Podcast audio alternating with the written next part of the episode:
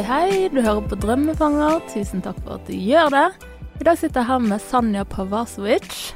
Utelivsdronning i Bergen, uten tvil. Du har lang karriere bak deg i utelivet. Um, du er et arbeidsjern. Vi, altså du er her fordi at vi møttes på en litt spesiell måte. Ja. Jeg møtte deg faktisk eh, på et bad i en bursdag. For at jeg drev og graps, graps, Jeg drev og grapset oppi sminkepungen din uten at jeg visste at det var din. Jeg trodde at det var moren til hun vi var hos, så det var enda verre, egentlig. ja, nei, det, det var hyggelig, det. Ja.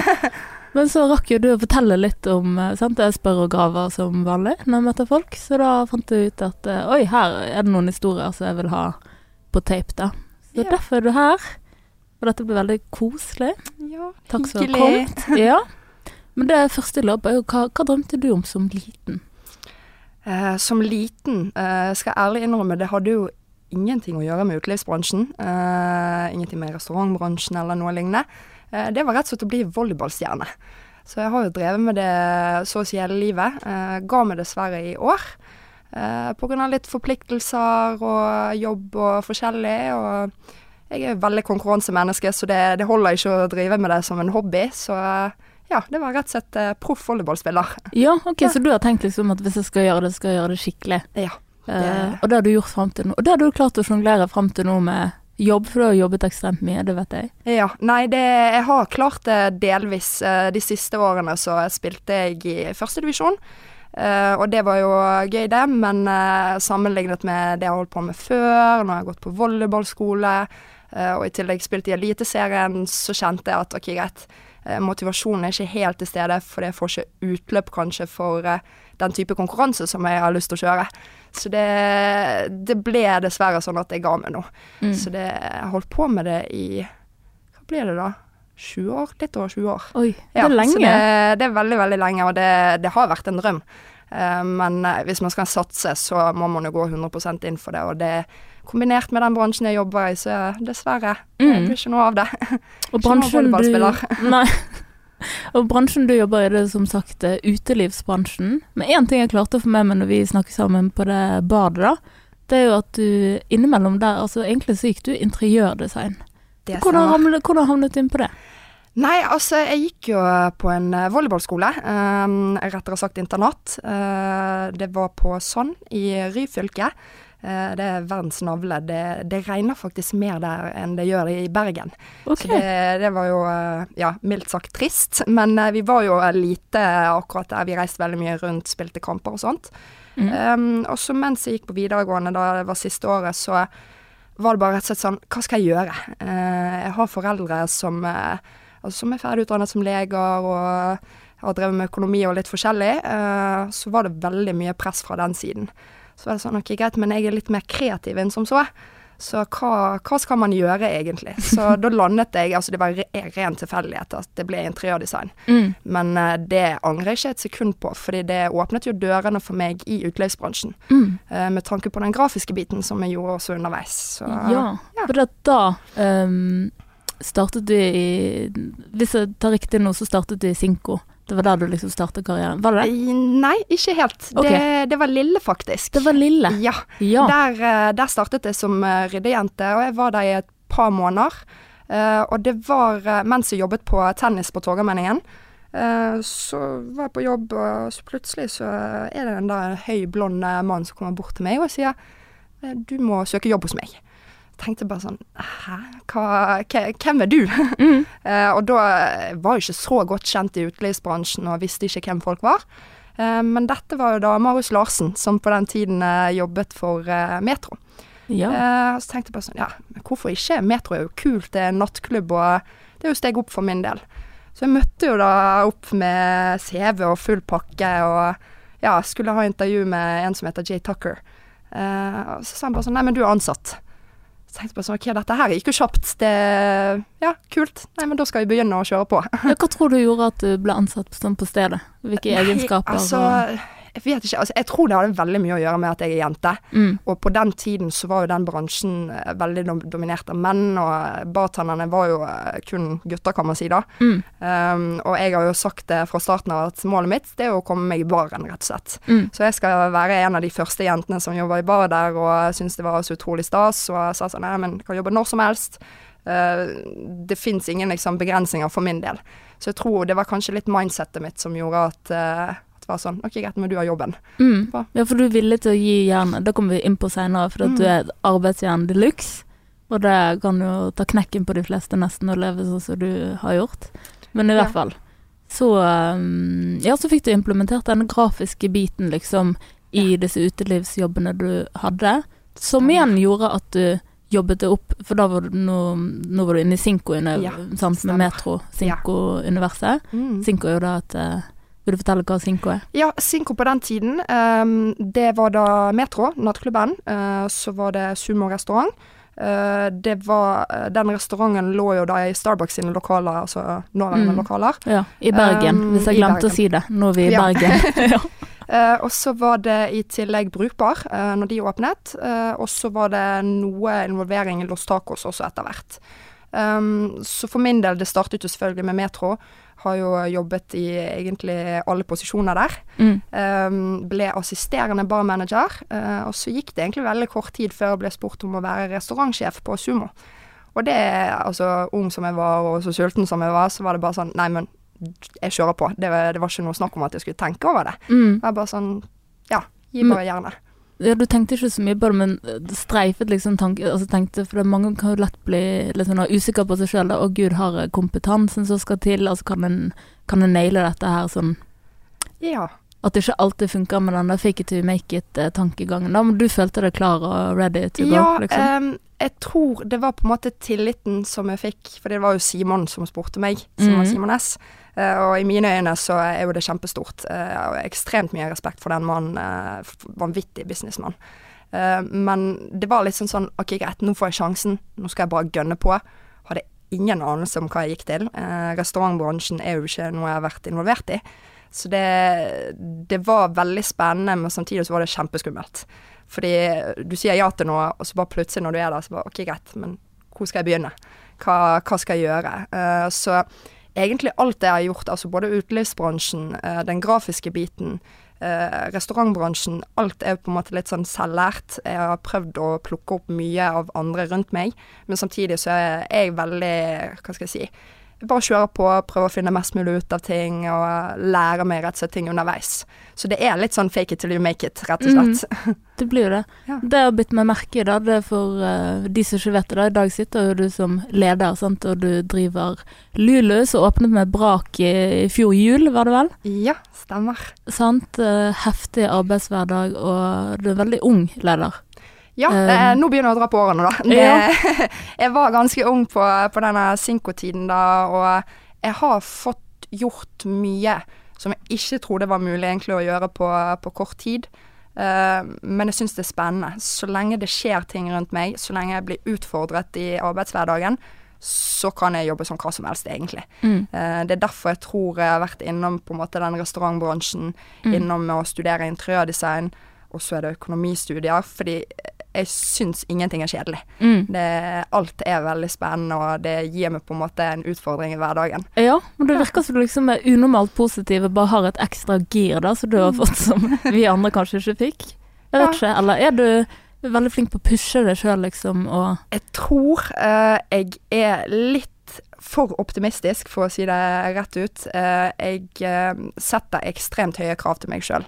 Jeg har kanskje hørt det en eller to ganger før, eh, både fra mine egne foreldre om at eh, eh, du kan eh, når du vil, eh, og samme er det egentlig med folk som jeg jobber med. bare sånn eh, du, du, Det er bare sånn urealistisk. Hvordan klarer du eh, å sette så høye krav til deg sjøl?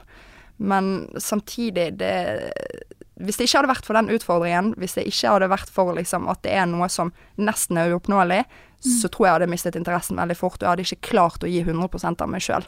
mm. Så det, jeg tror det er det som driver meg egentlig i hverdagen, på generell basis, uansett hva det gjelder. Mm. Og hverdagen din i dag består da som sagt av å lede, eller drive, eh, Lulu, da. Som er i Rekom-gruppen. Ganske stor uh, utelivsgruppe. Ja. Um, men jeg lurer litt sånn på um, Sånn som på åpningen av Lulu når du sto uh, Og da så jeg deg, for jeg var jo der. Jeg var på åpningen. Eh, og da på slutten der så så det ut som du virker ganske stresset, sant. Uh, så tenker liksom hvordan, hvordan var den åpningen for deg egentlig?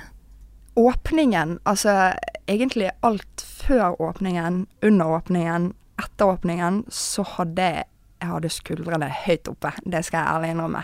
Fordi alle øyne er på deg. Eh, Du skal ha kontroll på litt over 25 ansatte på en og samme tid. Eh, Alle gjester skal være fornøyd. Eh, Det er så mange kjente som er der, og du vil jo på en måte levere ti av ti. Eh, Så jeg, jeg var så stresset som aldri før. Jeg tror det er ingenting som jeg har gjort hittil i livet som kan måles med den åpningen. Mm. Det, det var en kjempepåkjenning. Og da går man gjerne uten søvn rundt, og man har jobbet 20 timer i strekk og dagen før akkurat samme opplegget. Så det var Ja, det var en påkjenning, men det var gøy. Mm. Det var skikkelig, skikkelig gøy. Det er som sagt ingenting som kan måle seg med den åpningen. Det er hittil det, det gøyeste jeg har gjort. Ja, og sikkert når du alltid kommer til å huske, sant? hva du egentlig følte den dagen, og ting Ja. sitter, sikkert skikkelig sånn i sansene, på en måte, at du husker inntrykkene. Ja, altså det, det er noe jeg aldri kommer til å glemme. Jeg kommer aldri til å glemme hvor sliten jeg var. Jeg kommer aldri til å glemme hvor stresset jeg var. Eh, Jeg kommer aldri til å glemme folkene rundt meg, eh, og på en måte de inntrykkene, og at folk var så positive. Eh, Og jeg var skikkelig usikker, jeg skal ærlig innrømme det. Jeg var sånn, er dette bra nok? Gjør vi en god jobb? Uh, Syns lokalene er kule? Eh, Hva, hva tenker folk egentlig? Men så kommer liksom de der tilbakemeldingene på løpende bånd, og jeg var jo bare helt i hundre. Altså det, det var Jeg gråt faktisk på slutten. Du gjorde det? Av glede eller var- sorg? Både av glede og fordi det var rett og slett sånn Det var en påkjenning. Ja. Ingen søvn og Ja, du var overveldet. Rett og slett. Ja. det var jeg. Mm. Men hvordan følte du på en måte um, sant, Du har fått det store ansvaret sant, med å lede og drive dette her. Eh, jeg vet ikke, Er det første gang du er daglig leder i et selskap? Nei, det, dette er andre gangen. Det er andre Eh, gangen. det, før eh, Lulu så var jeg ansatt på Kava, Ja. på Kløverhuset. Ja. Og da hadde jeg egentlig akkurat samme ansvaret. Mye, mye mindre gruppe med mennesker som jeg jobbet med. Utrolig kjekt, veldig, veldig lærerikt. Jeg tror faktisk ikke det hadde gått like bra hvis jeg ikke hadde sittet med den samme erfaringen, altså derfra. Mm. Så jeg tror liksom sånn alle de tingene som jeg har gjort, at jeg har vært i alle posisjoner før. At eh, jeg har jobbet som daglig leder på det stedet også. At jeg har drevet med grafisk. Gjorde egentlig at den åpningen gikk mye bedre enn det det kanskje hadde gått liksom, med noen andre. Mm. Det, jeg eh, følte jeg hadde kontroll liksom, på de områdene som det ikke er vanlig å ha kontroll på som daglig leder. Mm. Um, vi har en egen PR-avdeling, vi har en egen markedsavdeling.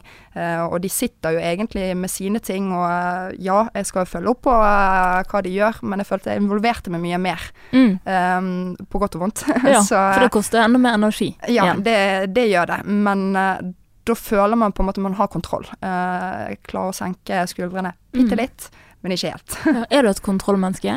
Veldig. Det, Jeg eh, merker jo det Vi har en egen kundeserviceavdeling, og de er bare sånn det, det er så gøy å jobbe med deg, for du, du svarer jo med en gang. Du er 24-7 på telefon.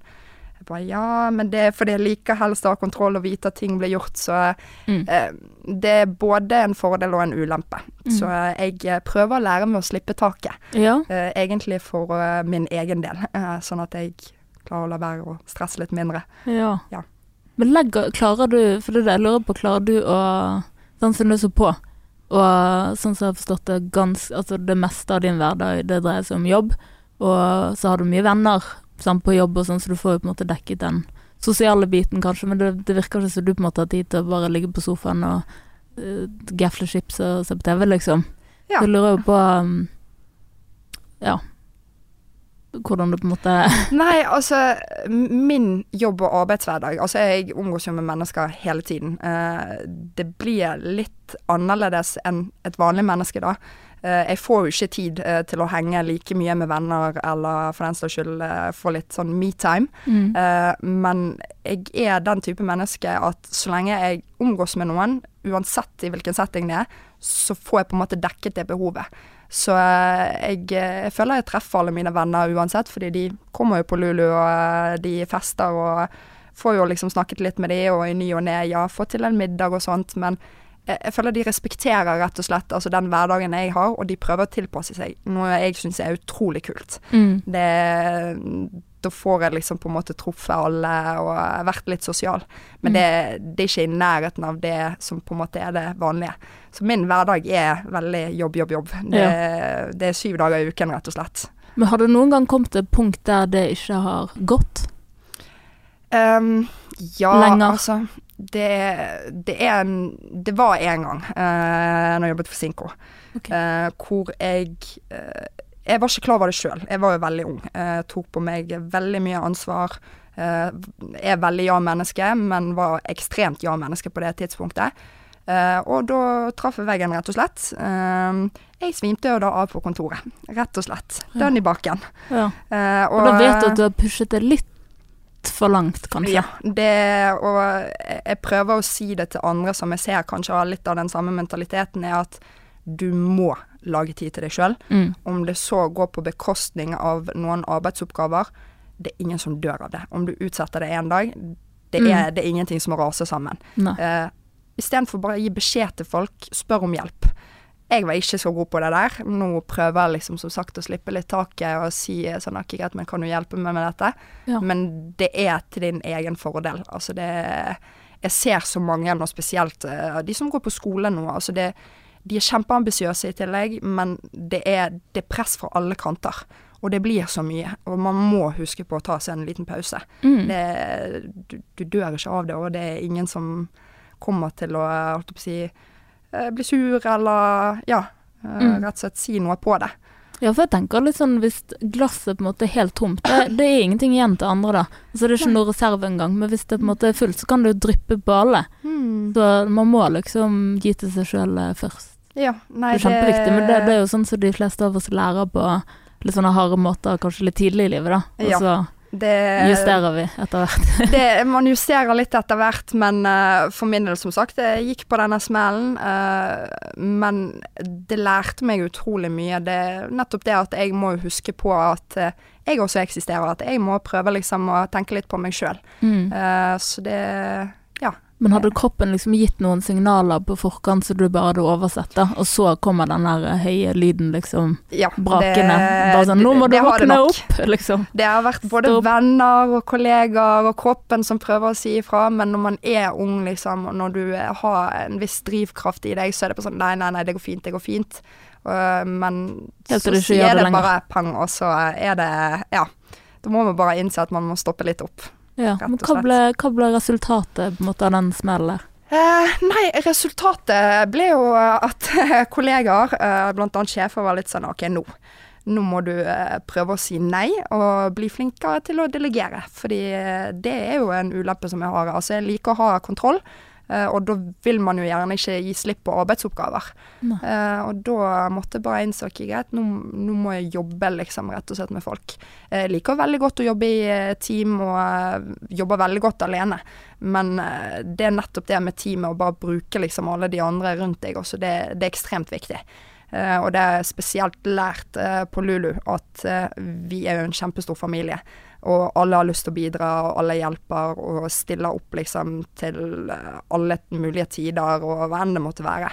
Uh, og det er kjempebetryggende, rett og slett. Det, man, uh, man glemmer det av og til. Mm. Det gjør man. Men tror du liksom den der um, arbeidsmentaliteten din kan ha noe med altså, at du er en eks-volleyballspiller? Liksom, hvor mye av den karrieren har du hentet inn i det du driver med nå? Veldig mye. Det, eh, jeg kan ærlig innrømme at til og med på CV-en så har jeg skrevet at den, eh, det konkurranseinstinktet mitt, det, det har tatt meg videre altså i arbeidslivet.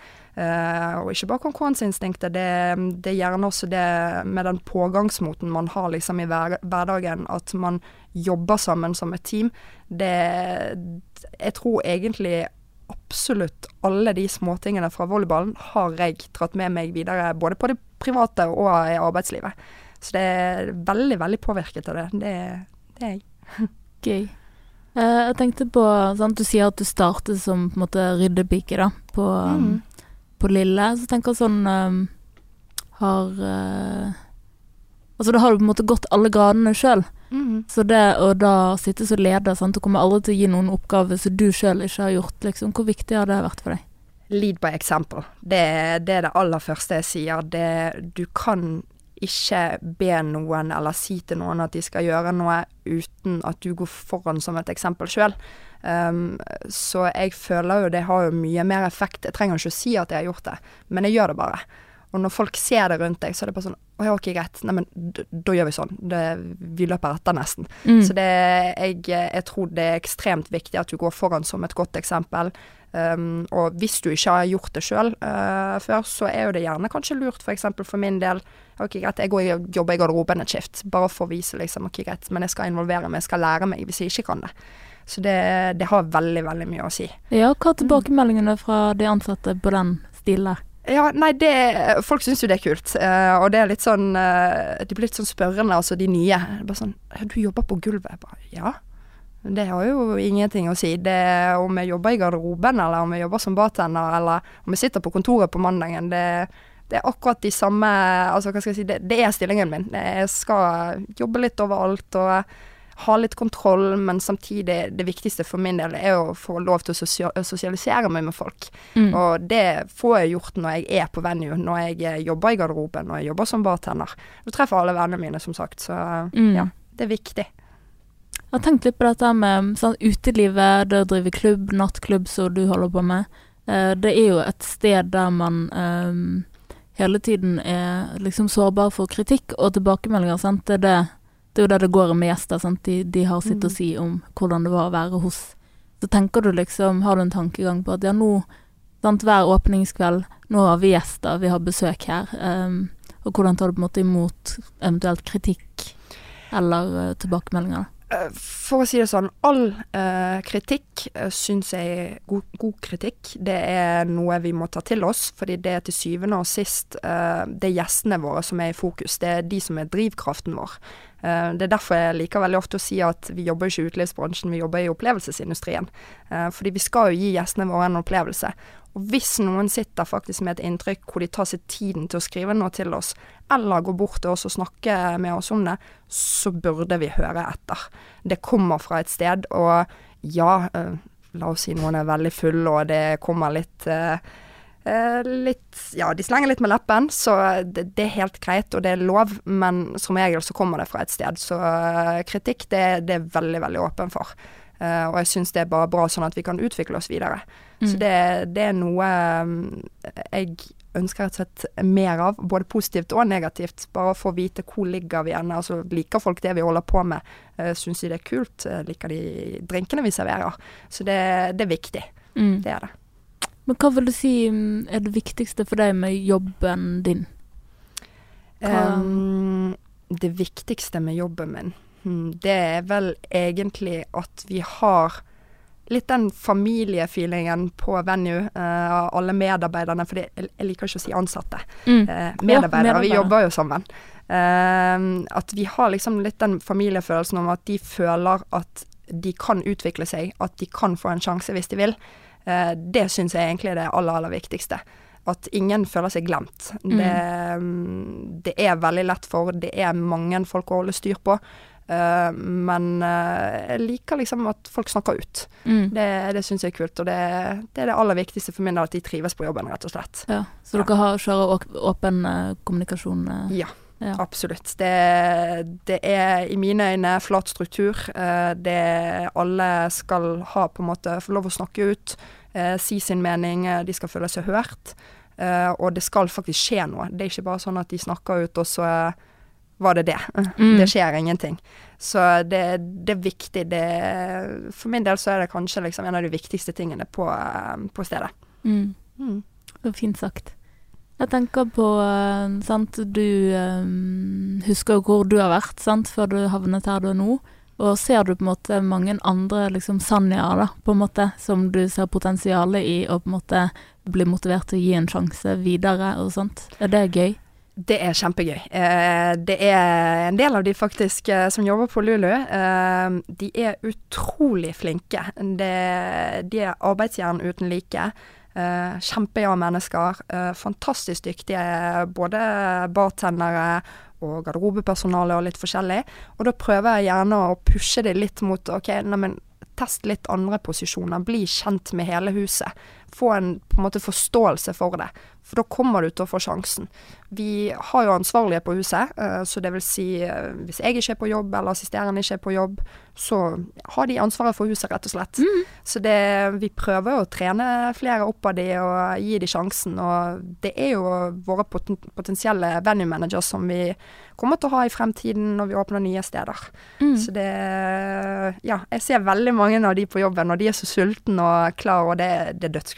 Det var utrolig virkelig. gøy. Fint å se. Mm. Um, jeg tenker du må jo være Hvis det er noe utelivsekspert i Bergen, så må du være deg. Og uh, så er jeg litt interessert i å høre hva du tenker liksom landskapet med utesteder i Bergen nå. Hvordan, uh, hva syns du? Eh, altså sammenlignet eh, med la oss si for fem, seks, syv år siden. Eh, det har jo blomstret eh, noe helt ekstremt. Eh, mange nye, kule konsepter. Eh, vanvittig mange dyktige folk som jobber i denne bransjen. Eh, men det jeg merker, eh, som jeg savner virkelig i Bergen, det er jo 18-årssteder. Det, det Ja, de det har dødd litt ut. Det, etter det har at Exodus eh, stengte dørene sine, så eh, da var jo en epoke over, kan man si da. Ja, Eh, og da har det blitt litt spredt. Det fins ingen offisielle 18-årssteder. ja. ja for det vi fikk jo ha veldig mange Ja. sant, når vi var Mm. 18. Ja, så det, nå er det sånn som jeg ser det, det er vel downstairs som er det stedet hvor alle 18-åringene går. Ja. Men det er jo ikke, hva skal jeg si, full on nattklubb sånn som eh, Exodus og Ditlef var eh, på vår tid. Så nei, det, det føler jeg det mangler i Bergen. Mm. Uh, og jeg håper at noen tar første steget og tenker OK, her Ja. finnes det potensial. Hvis noen hører på og føler seg truffet, så er det bare å sette i gang. Ja. Men hva syns du er det viktigste? Sant? For jeg tenker det er mange som eh, forhåpentligvis som hører på, som har en drøm sant? om å drive utesteder, kjenner en god del. Eh, og hva tenker du er det viktigste å tenke på hvis du sitter inne med en sånn drøm? Hvilke steg kan man på en måte ta? Eh, det aller første jeg ville ha sagt, det er fullt mulig å studere og jobbe ved siden av. Og det er ekstremt viktig å ikke falle i den fellen hvor du bare studerer. Det, arbeidserfaring det er noe alle vi ser mest på når vi ser på en CV. Eh, om du så har jobbet i kassen på Rema, eller om du har jobbet som eh, sekretær et eller annet sted. Det har ingenting å si. Arbeidserfaring er arbeidserfaring. Eh, og det er så viktig. Så jeg tror en av de tingene som folk eh, burde gjøre som vil satse, er bare hive seg ut i det. Skaff deg en jobb. Kom deg videre. Eh, networking, det er utrolig viktig det også. Du vet aldri hvem du snakker med. Eh, så Det er det, det er noe som er veldig, veldig viktig å huske på i vår bransje. Så det, det, det er mange som glemmer det, dessverre. Mm. Eh, og da er det plutselig potensielle arbeidsgiver eller ja. Er litt sånn generelt i livet også? Man vet Ja. jo ikke alltid hvem folk er. Og Det det er en god det. grunn til å behandle alle fint, da. Ja, Absolutt. Så det, det er bare egentlig å gi jernet. Og det er en ting som jeg prøver å lære oss alle på, eh, på Lulu, i hvert fall, da, er at eh, ingen arbeidsoppgaver er mindre verdt eh, enn en annen. Eh, hvis du er bartender, så er ikke du høyere over noen andre. Som sagt, flat, flat struktur.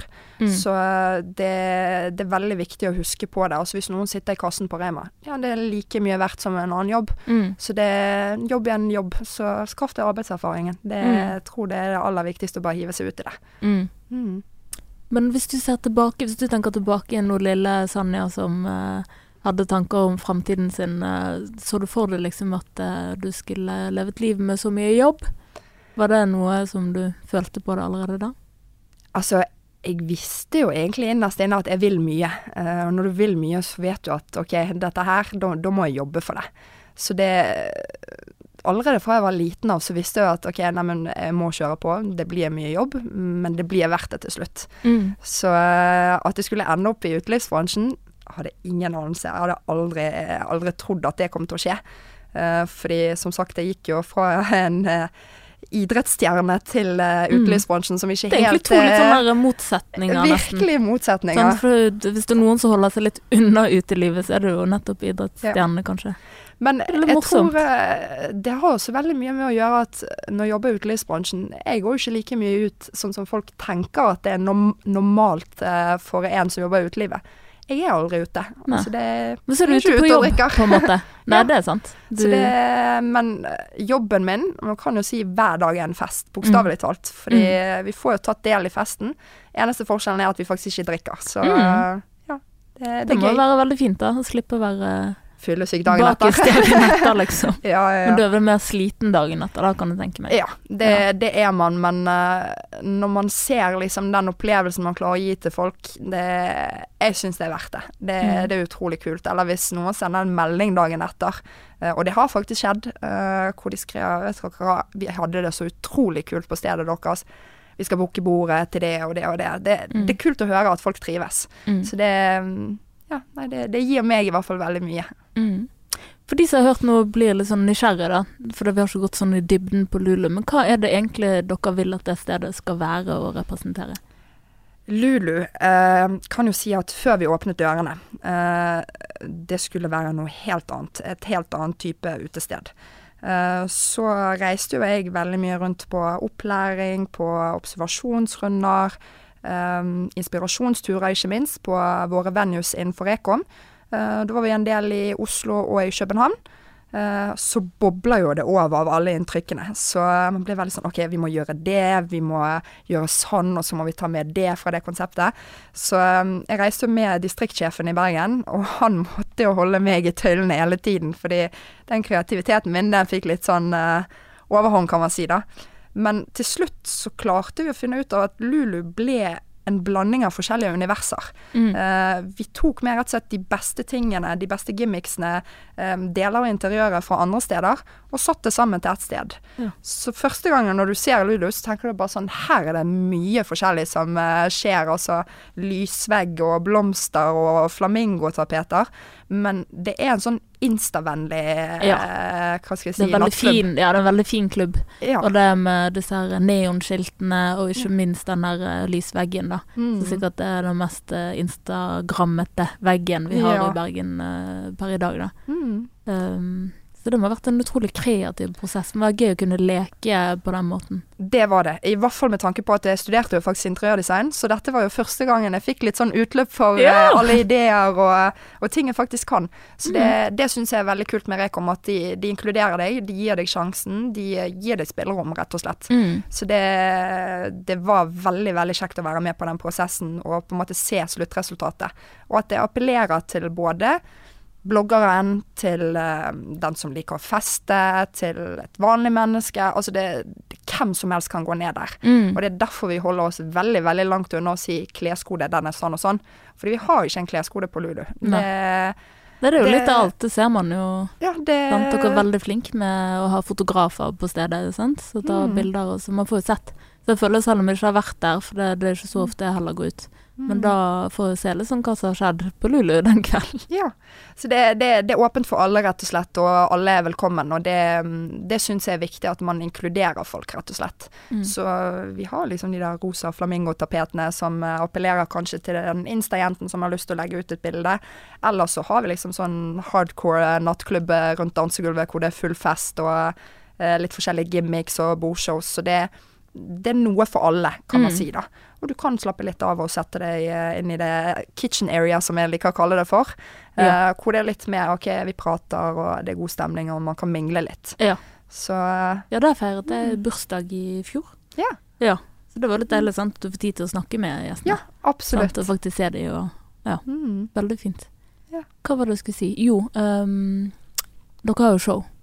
Det er vel kanskje noe av det som er så spesielt med Lulu, eller i hvert fall skiller Lulu fra Mm. de andre utestedene i, i Bergen, at dere liksom har lagt så mye i dette showet, da. Mm. Som, hvis jeg husker riktig, skjer eh, hvis folk har kjøpt en runde. Mm. Sant? Og så blir det jo helt sant? Da stopper jo nesten festen, sant? og all oppmerksomhet til det bordet som Ja. skal drikke, og så fullt show. Så hva er liksom tanken bak Altså, det er utrolig Nei, morsomt, da. altså som sagt, vi uh, i Rekom generelt sett, så sier vi vi, vi jobber jo ikke i utelivsbransjen. Det er opplevelsesindustrien. Uh, og vi prøver å gjøre det litt mer ekstraordinært enn den vanlige turen på byen, kan man si da. Hvis jeg går ut, jeg kan gå hvor som helst og kjøpe meg en espresso martini. Eh, men la oss si jeg går på Lulu, eh, og jeg har bursdag i tillegg, og vi finner ut av sånne ting, så skal vi jo gjøre det ekstra stas for, eh, for den som har bursdag. Eller hvis noen spør oss du, det, ikke, det er noen som skal gifte seg eller et eller annet ting, og vi er ute hele gjengen, kan vi gjøre noe stas ut av det? Selvfølgelig kan vi gjøre det. Mm. Det, det skal være litt spesielt, rett og slett. Og folk eh, tar jo bilder, de filmer, og det gir oss også gratis markedsføring. Så det, det er både liksom det med å kunne gi noen en opplevelse, men samtidig for vår egen del. Vi må jo også tenke at vi skal jo kunne markedsføre oss uh, sjøl også. Mm. Så eh, vi har jo det faste klokken tolv-showet, som eh, jeg tror de fleste kjenner til nå i Bergen. Med både konfetti og isfakler. Og eh, det tror jeg kanskje er en av de vendepunktene fra en cocktailklubb Mm. til skikkelig rå fest, rett og slett. Og Mm. jeg må ærlig innrømme, det funker hver eneste gang. Altså Mm. Dansegulvet fyller seg, og det er noe som skjer med stemningen på stedet og folkene. Ja. Så det Ja, for man vet liksom det, Man føler man blir tatt av noe som man liksom ikke helt vet hva er. Altså Det er litt sånn kaosstemning nesten, men det Ja. er det som folk tenner jo på det, holdt jeg på å si. Ja. At det er litt sånn Ja. rett og Nei, altså det jeg Akkurat den sangen som vi spiller hver gang, den har jeg hørt så utrolig mange ganger i utlandet sjøl. Mm. Og jeg vet jo hvilken følelse jeg sitter med hver gang.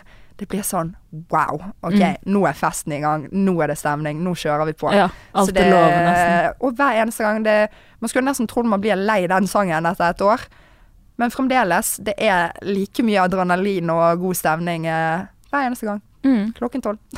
Apropos et år, for det Lulu har jo snart bursdag. Ja. Eh, så lurer jeg litt på sant? Levetiden på klubber eh, i dag er jo ikke så veldig lang, nødvendigvis. Sant? Det varierer jo litt, Mm. men eh, sant? ja. Så hva vil liksom Lulu gjøre for å holde seg relevant videre her i Bergen, da? Um, det jeg tror um, generelt sett, altså den største fordelen til Rekom, um, er jo at uh, vi har jo oppimot 60 forskjellige brands. Uh, hvis noe ikke funker, så prøver vi å videreutvikle det.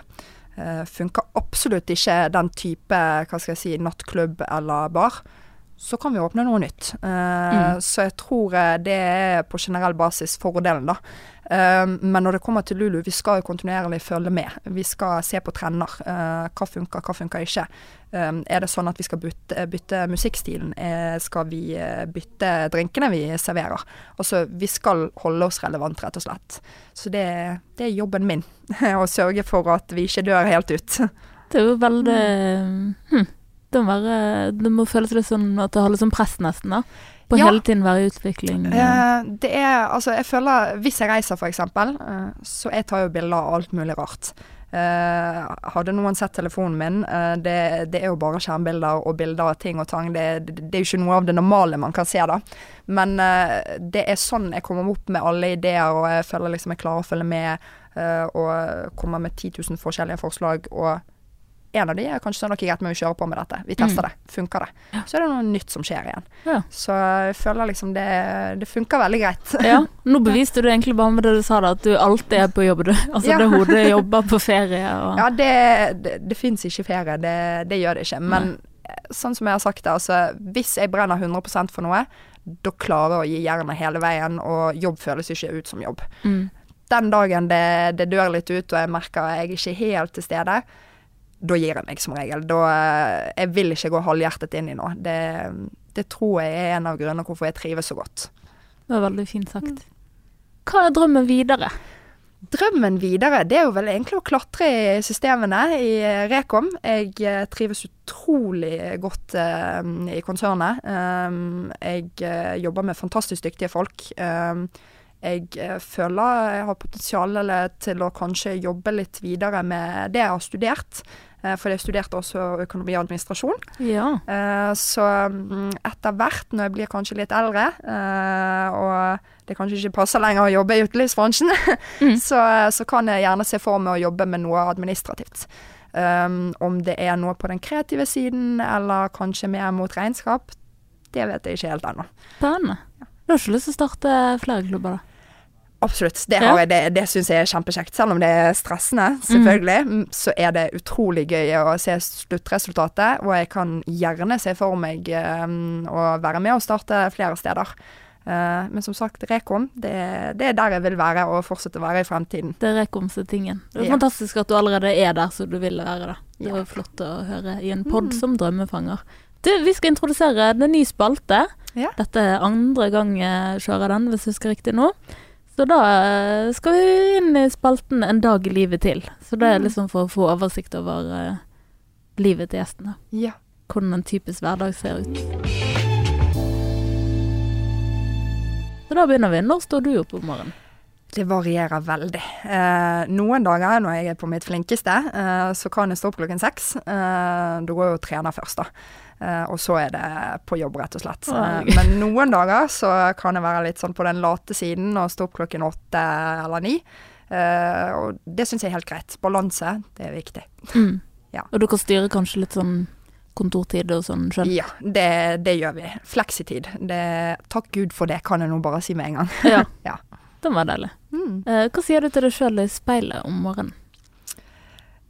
Skal Den, helt den indre dialogen som ofte går Den- eh, ja. Den indre dialogen er bare sånn Nå må du våkne. Nå, nå er det på tide. Nå, nå må du bare OK, gi litt jernet.